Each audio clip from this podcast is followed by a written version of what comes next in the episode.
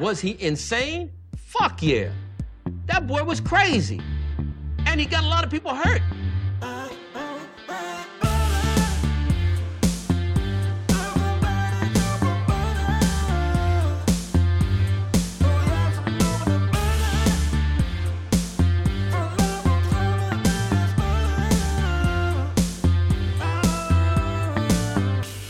He doesn't like butter. I fucking love butter. I fucking love it. What's up, motherfuckers? Welkom bij een nieuwe aflevering van de Zonder Tijd podcast. Een podcast waarin ik niet alleen mijn eigen tijd, maar uiteraard ook uw hele kostbare tijd ga verdoen met absolute onzin.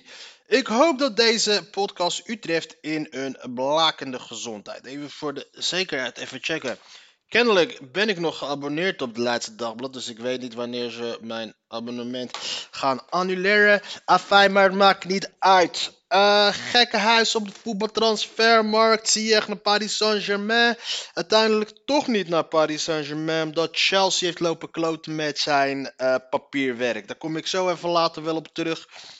Want dit is echt fucking pijnlijk voor Hakenzier. Hakenzier, en uiteraard een absolute held. Eh, zat te verpieteren op de bank bij, bij, bij, bij Chelsea. Krijgt de kans om naar Paris Saint-Germain te gaan, naar Matti Hakimi, om te gaan spelen met, eh, de, met, eh, met eh, we kennen de namen Messi, Neymar, Mbappé. En dan gebeurt het op de allerlaatste moment, krijgt fucking Chelsea het voor elkaar om, om tot driemaal toe de, de, de foute, foute papierwerk op te sturen. Eh, Paris Saint-Germain die heeft het een en ander aangekaart bij, de, bij een of andere commissie in Frankrijk om te kijken of, het, of er nog wat aan gedaan kan worden. Want kennelijk was er een soort van een bug, hoorde ik in eerste instantie. Maar later was het dan weer dat Chelsea zelf de verkeerde papierwerk heeft geregeld. Chelsea die meer dan een half miljard heeft uitgegeven de afgelopen maanden. Die dus kennelijk. Maar weet je wat? We komen daar zo op terug. Want ik begin op te merken dat ik me daar een klein beetje aan begin te irriteren. Dat het. eh, ik wil geval niet weten hoe, eh, hoe Ziyech zich nu wel niet moet voelen. Het is fucked up. Enfin, we pakken de krant bij van woensdag 1 februari. Nieuwe maand, nieuwe kansen, nieuwe alles, bla. Ik vind februari altijd wel de, echte, de, de mooiste maand van het jaar. Want het is letterlijk 28 dagen. Gewoon precies vier weken. We gaan altijd vanuit dat de maand vier weken is. Gaan weet je dat, dat, het ezelsbruggetje, of weet ik veel wat, het makkelijke rekenvoorbeeld wat we altijd nemen hiervoor. Maar dan is dit wel. ehm, eh, dit, hier geldt het gewoon. Dus als je dingen aan het plannen bent, eh, dingen voor, met, voor goed voor je, met je voornemens bezig bent, dan is, dan is eh, de. de dat je er altijd van die eikpunten gebruikt. Na een week doe ik dit, aan het einde van de maand dit, x na een x aantal. Dan is februari echt de ideale maand. Dikke shout-out naar februari. Eh, een week vol activiteiten voor internationale studenten. Winterowl. Ah, fijn. Dat is weer iets leids. Asielopvang op vliegveld. In de speurtocht naar extra opvangplaatsen voor asielzoekers richt het kabinet de pijlen op Lelystad Airport. Per 1 juli zijn 19.000 extra plekken nodig. Nou, nou, nou, nou, nou. Wat het allereerste bij mij opkomt als asielzoeker, ik zou daar niet naartoe gaan. Want je weet als je daar wordt opgevangen op het vliegveld, dat de volgende stap is eigenlijk is dat je gewoon dichter bij uitzetting zit je gewoon letterlijk niet. Het is letterlijk, oké, je loopt de deur uit, pam, vliegtuig in en je bent weg. Ik zou daar niet naartoe gaan als ik asielzoeker was. Wel slim van de VVD is vindingrijk. We zetten die motherfuckers bij het vliegveld. Sneaky bastards. Jezelf tegenkomen op de berg. Sarah Eenhoorn wist niet dat ze het kon, maar het lukte haar binnen twee maanden om 10 bergtoppen van meer dan 6000 meter te beklimmen. Ze hoopt hiermee andere, soms onzekere vrouwen te inspireren. Joh, ga neuken of zo, joh. Het is wel, het is wel eh, bewonderenswaardig, maar ga neuken. College haalt hard uit na aanhouding demonstranten. Overheid zet druk, zet het recht onder druk. Het gaat waarschijnlijk weer over die ehm, Extinction Rebellion. Zijn we nog steeds niet af van die motherfuckers? Het demonstratierecht in Nederland staat ernstig onder druk door, de aanhouden, door het aanhouden van klimaatactivisten die opriepen tot blokkades van snelweg A12, oordeelt het College voor de Rechten van de Mens. De overheid moet demonstraties faciliteren, benadrukt het Mensenrechtencollege. Inzet van strafrechtelijke instrumenten om de organisatie van een demonstratie te verhinderen is een extreem zwaar middel dat niet makkelijk te rechtvaardigen valt. Volgens het college lijkt het er bovendien op dat er met twee maten gemeten wordt. Klimaatactivisten en Black Lives Matter activisten worden onevenredig hard aangepakt in vergelijking met andere demonstranten, zoals die van Farmers Defence Force. En gek genoeg vinden de mensen van Farmers Defence Force weer dat de mensen van de Black Lives Matter weer, eh, die mochten weer tijdens corona wel allemaal keihard demonstreren en dat soort dingen. En volgens hun werd daar weer niks tegen aangedaan. En dan aan die andere kant zeggen weer, ja, volgens, volgens ons eh, wordt, wordt daar helemaal weer niks tegen gedaan. En zo zit eh, kennelijk, denk ik dus dat de overheid gewoon letterlijk iedereen aan het naaien is. Dat iedereen zijn recht op demonstratie gewoon wordt aangepakt. En maken ze ons wijs dat het eh, kennelijk eh, alleen bij hun gebeurt en aan de andere kant weer niet. Een typisch gevalletje van verdeel en heers. De overheid moet de demonstraties garanderen of het nu boeren zijn die demonstreren tegen stikstofbeleid dat het klimaat moet beschermen of klimaatactivisten die pleiten voor snellere overheidsoptreden om klimaatverandering tegen te gaan.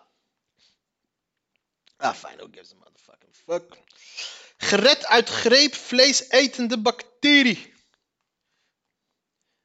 Een sluipmoordenaar, zo is de vleesetende bacterie te bestempelen die in de medische wereld bekend staat als necrotiserende weekkedelinfectie. Het brandwondencentrum in het Rode Kruis ziekenhuis in Beverwijk heeft de afgelopen maanden, net als ziekenhuizen elders in Nederland, beduidend meer patiënten met de levensbedreigende aandoening behandeld zien worden. Het zijn allemaal dikke mensen, die dit krijgen. Dat komt waarschijnlijk omdat ze zelf allemaal vleesetende te veel vleesetende bacteriën zijn. Gasunie. Gasveld Groningen langer op waakvlam houden. Natuurlijk zegt de Gasunie dat, want die willen centen hebben. Gasunie adviseert het kabinet om de Groningse, het Groningenveld langer op de waakvlam te houden en nog niet definitief te sluiten vanwege de oorlog in de Oekraïne. Natuurlijk, vanwege jullie, vanwege jullie aandeelhouders, motherfuckers. De provincie Groningen roept staatssecretaris Hans Vuilbrief op dat advies naast zich neer te leggen. Uiteraard, motherfuckers, anders is Groningen binnen een paar tijden weg. Ik ben nog steeds van mening, eh, weet je, Groningen in principe, hoe meer eh, gas we daar uit de grond gaan boren, aardbevingen hier en daar, oké, de, hele, de, hele provincie zakt weg in de zee. Dit is Nederland, motherfuckers. Ja, we kunnen, wij kunnen, althans wij, Nederland kan nieuwe provincies gewoon maken. We hebben Flevoland toch gemaakt?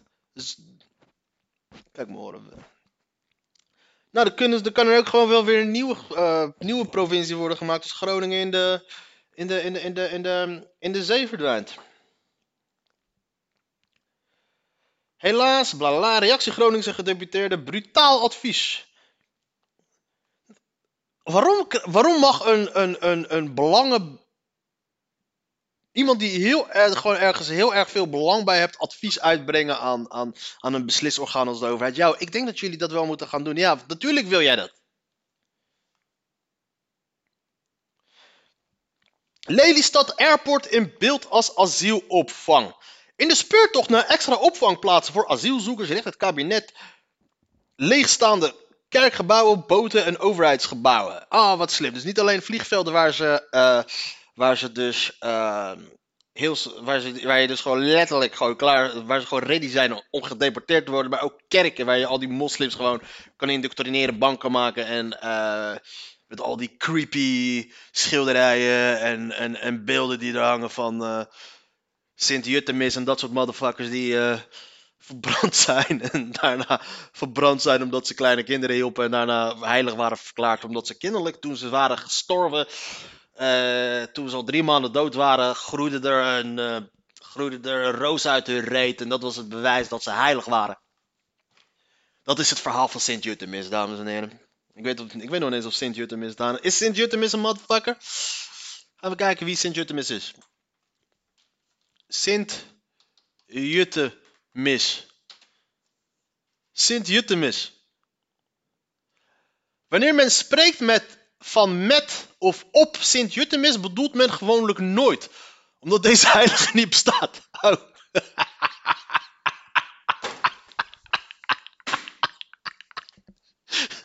Sint-Juttemis bestaat gewoon niet. Oké.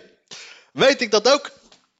Maar eh, hoe gaat het met je communicariëre? Wanneer eh, zien we je op tv? Eh, op, eh, op tweede Sint-Juttemingsdag, motherfucker. Volgens ingewijden wil het kabinet onder meer een beroep doen op kerken om extra opvangplaatsen te leveren. De kerkelijke gemeenschap zal worden gevraagd of er leegstaande gebouwen zijn die kunnen worden omgetoverd tot asielopvang. Dan gaan we even kijken en is gewoon een beroep doen op het christelijke, op het christelijke inborst van die paar Chris christenen die we nog hebben in dit land en kijken hoe ze daarop reageren. Want vroeger waren kerken natuurlijk een, een, vrijplaats, een letterlijk een veilige haven voor mensen. Dus vroeger als jij bijvoorbeeld uh, ging vluchten en zo, je vluchtte naar de kerk, dan mochten de autoriteiten mochten daar niet enteren en daar weer komen, want het was huizen gods. Althans, dat is, uh, althans, dat, ik denk dat dat zo is, want ik had vroeger, uh, een van mijn, mijn zusje, haar favoriete tekenfilm vroeger was De Klokkenleider van de Notre Dame.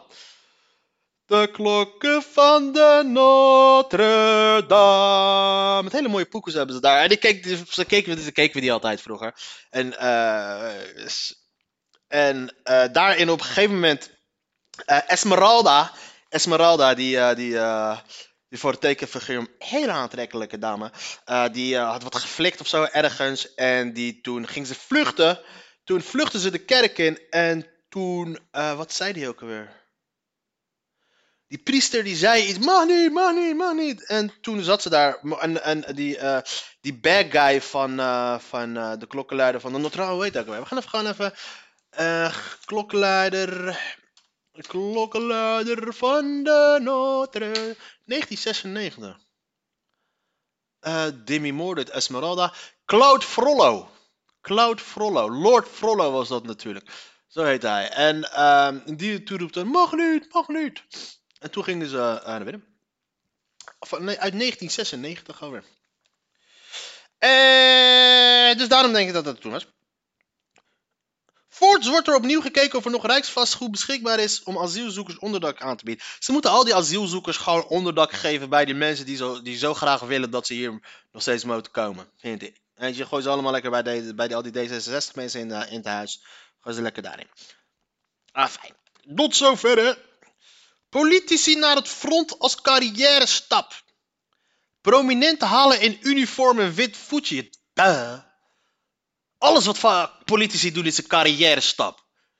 Want je kan ook gewoon ergens naartoe gaan zonder camera's mee te nemen. Maar die motherfuckers gaan dan naar. Uh, weet ik die gaan dan naar de, naar de, naar de.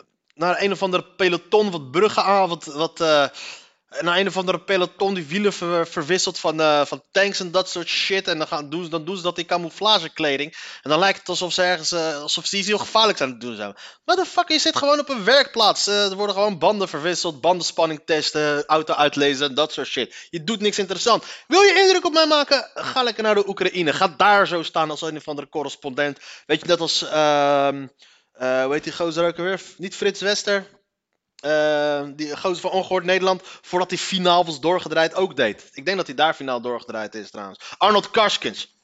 Ga dat doen en dan, ben ik dan, vind, ik het, uh, dan vind ik je een interessante gozer. IJs tegen Bouterse, behalve 20 jaar, ook directe gevangenname. Oh, mijn jezus. Mijn jezus, ze willen, ze willen Davy pakken. Ze willen Davy Kira. Het Surinaamse Openbare Ministerie heeft in hoger beroep 20 jaar geëist tegen Daisy Bouterse als hoofdverdachte van de decembermoorden. De officier van justitie eiste in het gerechtsgebouw in Paramaribo ook directe gevangenneming van de oud-president. De 77-jarige Bouterse staat terecht op verdenking van, de van van moord op 15 Surinamers op 18 december, op 8 december 1982 in Fort Zeelandia, Paramaribo. Deze politieke tegenstanders van Bouterse waren tegen het militaire regime dat hij leidde na een staatsgreep in 1980. De officier. Uh, nou, oké. Okay. Zagar staat. Oké, dan gaan we. Uh, oh ja, we gaan terug naar het artikel van uh, politici die stoer lopen te doen in, in, de, in de werkplaats van Defensie. De weg naar de top van het Russische machtspyramide uit. Het gaat over de Russische. De Russen. Ah, hetzelfde systeem, hetzelfde principe. De weg naar de top van de Russische machtspyramide leidt tegenwoordig langs het front in de Oekraïne. Een schoolvoorbeeld daarvan is een van de Ruslands bekendste schrijvers, Zagar Prilepin. Prilepin, hij heet gewoon Prilepin. Die in plaats van de pen de wapens heeft opgepakt. Hij is al naar het gebied van de speciale militaire operatie vertrokken en vervult daar zijn militaire taken al. Dus Prilepins perssecretaris vorige week. Oké, dus hiervan ben ik, raak ik dus wel onder de indruk. Dit vind ik dus wel dope. Dit, hier, hier heb ik wel respect voor. Zagar Prilepin staat te boek als een nationalist en heeft een rijk verleden onder de wapens. In de jaren 90 vocht de schrijver met Russische interne ordentroepen tegen de opstandelingen deelrepubliek Tsjetsjenië. Deze motherfucker is gewoon een oud psycho. Uit zij op commando. En in 2016 trok hij naar de Donbass in Oost-Oekraïne. Waar zijn eenheid ook wel het Prilepin bataljon werd genoemd. Motherfucker is meer dan alleen een politicus. Dit is gewoon een warlord. Dit is gewoon een krijger. Deze man heeft gewoon adrenaline te veel. En die gaat gewoon even mensen neerschieten. En dan neemt hij dat beeld op. Oké, dikke shout-out naar deze man. Hier heb ik wel bewondering voor. Weet je, kijk, hier in Nederland gaan ze, weet je, gaan ze, gaan ze naar een autowerkplaats. Gaan ze een beetje poetsen. Gaan ze wat krassen weg, eh, wegvrezen. En dan is het opeens van, kijk, onze foto's maken zijn. Maar deze motherfucker is legit. Ehm, het legt de nationalistische novelist geen windeideren.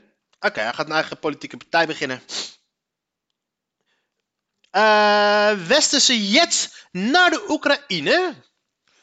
Nou, het begint dus met de vraag stellen. En eh, eerst wordt de vraag gesteld en dan wordt daar ontkennend eh, op gereageerd. En, maar die vraag houdt aan en ehm, dan gaan we het bespreken. En na het bespreken gaan we onderhandelen. Na het onderhandelen gaan we toegeven. En ehm, beetje bij beetje. Na de tanks komen de straaljagers. Na de straaljagers komen de soldaten. Na de soldaten komen de kernbommen. En na de kernbommen is het gewoon, eh, ja, eh, ja. Dan hoop ik dat ik ergens in het meest zuidelijke puntje van Marokko zit. Ergens bij La Guera. Omdat hier een eh, nucleaire eh, winter heerst hier in Nederland. Dikke Ne- Nederlanders, ik wens jullie echt alle succes. Het moment dat de pleuris hier uitbreekt, daadwerkelijk. Dan ben ik loesoe. Dan ben ik richting Tonton de Bloed. Ah, fijn. Dus, ik denk dat we over eh, volgende maand ergens, eh, als, als er de, de Russen met hun tegenoffen een grote lenteoffensief gaan komen, dat er gesproken gaat worden over Jets. Over eh straaljaar.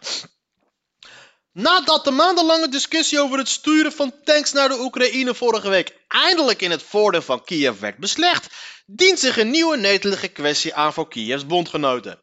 Wel of geen gevechtsvliegtuigen sturen. En nou, en dit wordt dan eh, de hele episode die we hebben gehad met de tanks. Gaan we nu opnieuw beginnen, maar dan met de, eh, maar dan met de gevechtsvliegtuigen. Volgens mij zijn de issue met de tanks, die vraagstukken, dat we voor het eerst deze vraag hadden gesteld. Was een x-aantal, was ik denk 5 à 6. Ik denk twee à drie maanden geleden. Ik, dit is eigenlijk maar gewoon allemaal aan mijn duim. Dit de dagen waar. Een tijdje terug in ieder geval. En eh, ja, nu, nu zitten we hier. Tanks en vliegtuigen van westerse makelij prijkten vanaf het begin van de oorlog bovenaan de verlanglijstje van de Oekraïense leider Volodymyr Zelensky. Maar ondanks zijn aanhoudende roep bleef het Westen terughoudend. Vrees om met het verschaffen van moderne wapentuig de oorlog verder te escaleren leek de voornaamste reden. En je moet eens opletten hoe die Zelensky zich gaat gedragen. Die Zelensky, Zelensky is, zoals mijn Suriname zeggen, hij doet bats. Hij doet bats, hij doet dapper. Weet hij is steeds meer, eh, hij, meer eisen, meer zeiken. Oh, jullie gaan niet. eh, net zoals een of andere Russische, Oekraïnse minister. toen die eh, Scholl eindelijk toegaf om die leppers te sturen, gaf hij een verleer. Hé, hé, was dit het eindelijk waard? Hè? Al die vernedering, voor lul staan en dat soort shit, was dat het waard? Gaat. Snap je, die, die Oekraïners doen bij de hand. Die, Oekra die Oekraïners hebben een grote bek gekregen. Ik denk dat het hartstikke belangrijk is dat als de oorlog voorbij is, dat we die Oekraïners heel goed duidelijk moeten maken. Motherfucker, je moet niet zo dapper lopen doen. En dat je gewoon even twee gaat geeft in het gezicht van deze Zelensky. Om tegen te zeggen, deze is voor dat bij de hand bek van je. Deze escalatievrees lijkt in het Westen echter steeds wat te worden opgerekt, ziet Frans Osinga, bijzonder hoogleraar oorlogsstudies aan de Universiteit Leiden. Het begon met stingers, toen drones en later artillerieraketten zoals HIMARS. Volgens Moskou zou met name het sturen van HIMARS een rode lijn zijn. Nou, en als dat vervolgens meevalt, dan zie je dat westerse landen weer wat verder durven, vervolgt Osinga. Daarbij speelt ook mee dat Kiev in de loop van de oorlog liet zien stevig overeind te blijven. De kans dat geavanceerd westers materieel in de handen van Russen zou komen, werd zo ook kleiner. Toen Moskou in. Oké. Ozinga ziet dat de Amerikaanse aarzeling niet als een defin- definitieve afwijzing. Nou kijk, de Amerikanen gaan sowieso denk ik niet wijzigen, want die hebben een fucking wapen in de wapenindustrie, wapenlobby. eh, eh, het, de, de, het militaire complex, de, de, de war, de, nee, hoe noem de, de industrial military complex is zo machtig. Ja, hoe meer F-16's en tanks er naartoe, hoe, meer, hoe beter dat voor hun is. Ik weet niet wie het was. Was het generaal Eisenhower?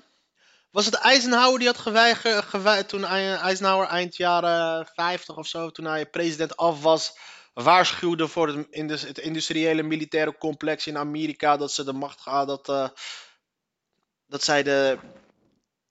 Hij waarschuwde de, de wereld in ieder geval voor hun. En uiteindelijk had hij ook gelijk gekregen. En hij wist natuurlijk als geen ander, als eh, oud-generaal, hoe dat allemaal ehm, te werk ging. En uiteraard, uiteraard- uit- en uiteraard daarna, Amerika is constant in oorlogen geweest.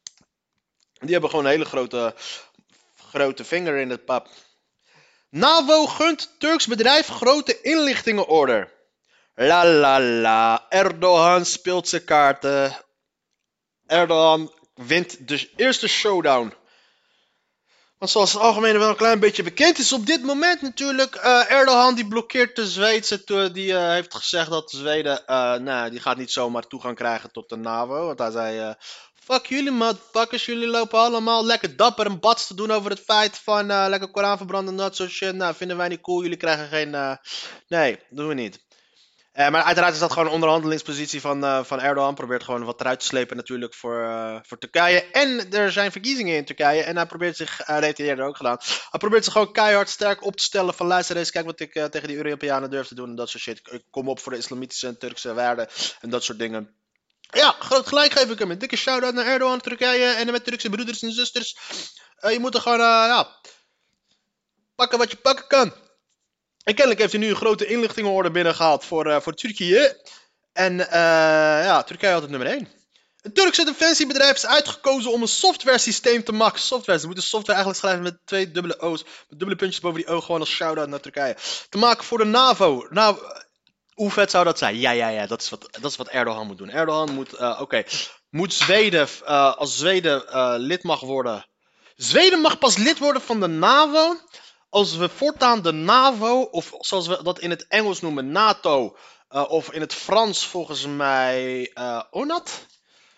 Hoe schrijven we NATO in het Volgens mij is dat ONAT? Of NATO in het Frans.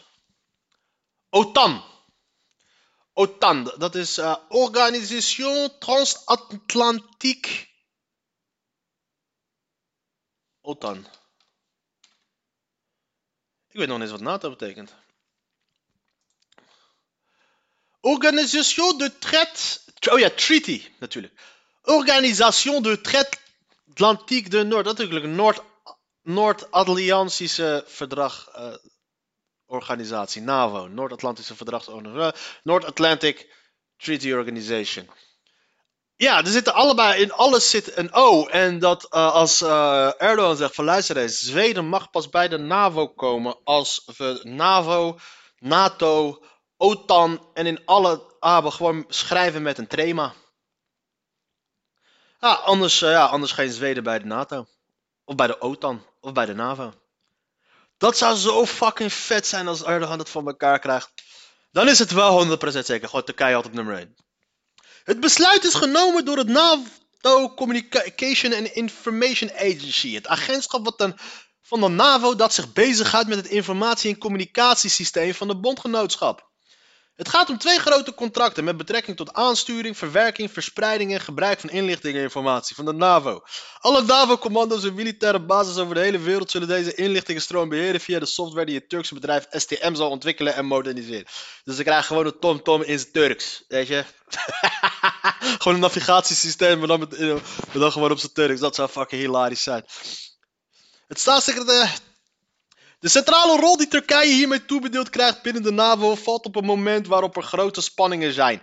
Turkije wil dat de Verenigde Staten 40 F-16's gevechtsvliegtuigen leveren en 80 verouderde F-16's moderniseren. De Turkse president Erdogan waarschuwde afgelopen zondag dat er wel een prijs betaald moet worden als de VS weigeren aan het verzoek te voldoen. Turkije wil de F-16's nadat het land voor straf uit het programma van de F-35 gevechtsvliegtuigen werd gezet. Dit was gebeurd omdat Turkije het Russische S-400 luchtafweersysteem had aangeschaft. Daarnaast ligt Turkije dwars over toetreding tot de NAVO van Zweden. Erdogan staat wel open voor toetreding van Finland. Ja, dat is wel een leuke verdeel in eerste dingetje. Finland, ja, kom maar binnen, welkom. En ik denk dat Finland in principe wel de belangrijkste is, aangezien ze eh, eh, volgens mij een grens van uh, 88.000 kilometer hebben met Rusland. En dat zou voor Rusland de allergrootste tik zijn, sowieso. En um, kijk, Zweden gaat sowieso lid worden van de NAVO, maar Erdogan probeert gewoon, probeert er gewoon wat uit te slepen. En groot gelijk heeft hij. Ik bedoel, hey, iedereen zit daarin voor zichzelf. En Turkije is een belangrijk lid van de NAVO. Niet alleen vanwege hun ligging, maar ook vanwege de grootte van hun leger en dat soort dingen.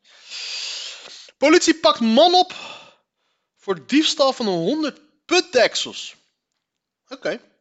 De politie in Groningen heeft dinsdag een 39-jarige man uit die stad aangehouden op verdenking van het stelen van een groot aantal putdeksels in Haren en Groningen. Ik ben benieuwd wat de, wat de straatwaarde daarvan is.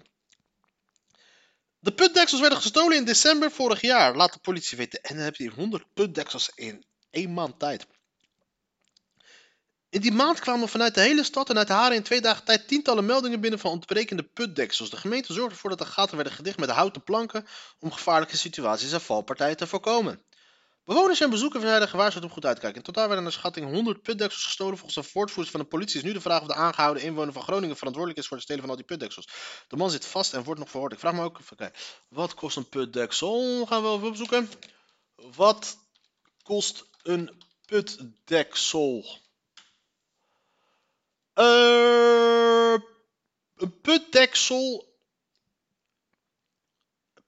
een putafdekking. Dus inclusief de hele. Uh, dus ook inclusief, inclusief de mal. Die dan in, de, in het. Uh, met beton. Want je hebt natuurlijk dan die deksel zelf. Maar die moet natuurlijk ergens in worden gezet. Inclusief die, die, die mal waar die uiteindelijk in moet. Kost 250 euro. Maar waarschijnlijk heeft hij dan alleen uh, die putdeksel gestolen. Want dat hele ding zit dus echt in de grond geboord. Ja, wat heb je aan een pot, putdeksel zelf dan? Wat weegt een putdeksel? Een putdeksel weegt ongeveer 50 kilo. Blijkt toch verrassend veel verzamelaars te zijn die voor zo'n zwaar ding in huis willen hebben. Oké, we komen steeds dichterbij van achter de motieven van deze man. En dan gaan we nu kijken naar Marktplaats.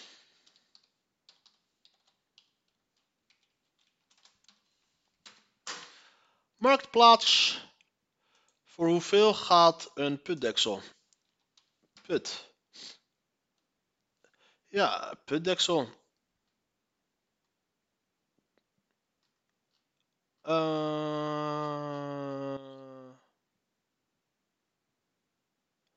Een ouderwetse Utrechtse putdeksel. Ah, oké. Oh ja, natuurlijk. Je hebt ook natuurlijk vierkante. 20 euro, 20 euro. Zware stalen gietijzeren putdeksel. Oh ja, die heb je natuurlijk ook. 30 euro. Dat zijn die, dat zijn die ene met. Je, hebt, je, hebt, je hebt die ronde natuurlijk, maar je hebt ook natuurlijk die ene met die, dat, dat roostertje wat in de grond ligt.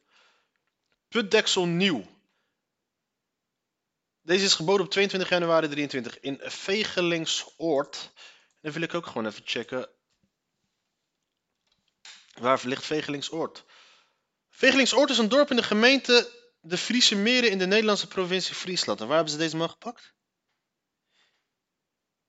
In Haren en Groningen. Oké, Haren, Groningen. Uh, waar heb ik de eerste putdeksel gezien? Waar wordt die verkocht? Lopik. Waar ligt Lopik? Lopik ligt Utrecht. De andere werd aangeboden in Zwanenburg. Dat zou ergens in Noord-Holland liggen. Haarlem, ja. Oké, dus 100, 200 euro. Dus als jij 100 uh, van die putdecks hebt gekocht, verkoop ze ongeveer voor 20 à 30 euro. Laten we zeggen, twee, twee tientjes. 2000 euro. Je zet ze op marktplaats en dan worden bij opgehaald. Ja. Ik denk dat ze deze motherfuckers zullen oppakken als ze gewoon gaan checken als, die bij, uh, als ze gewoon bij hem thuis gaan kijken.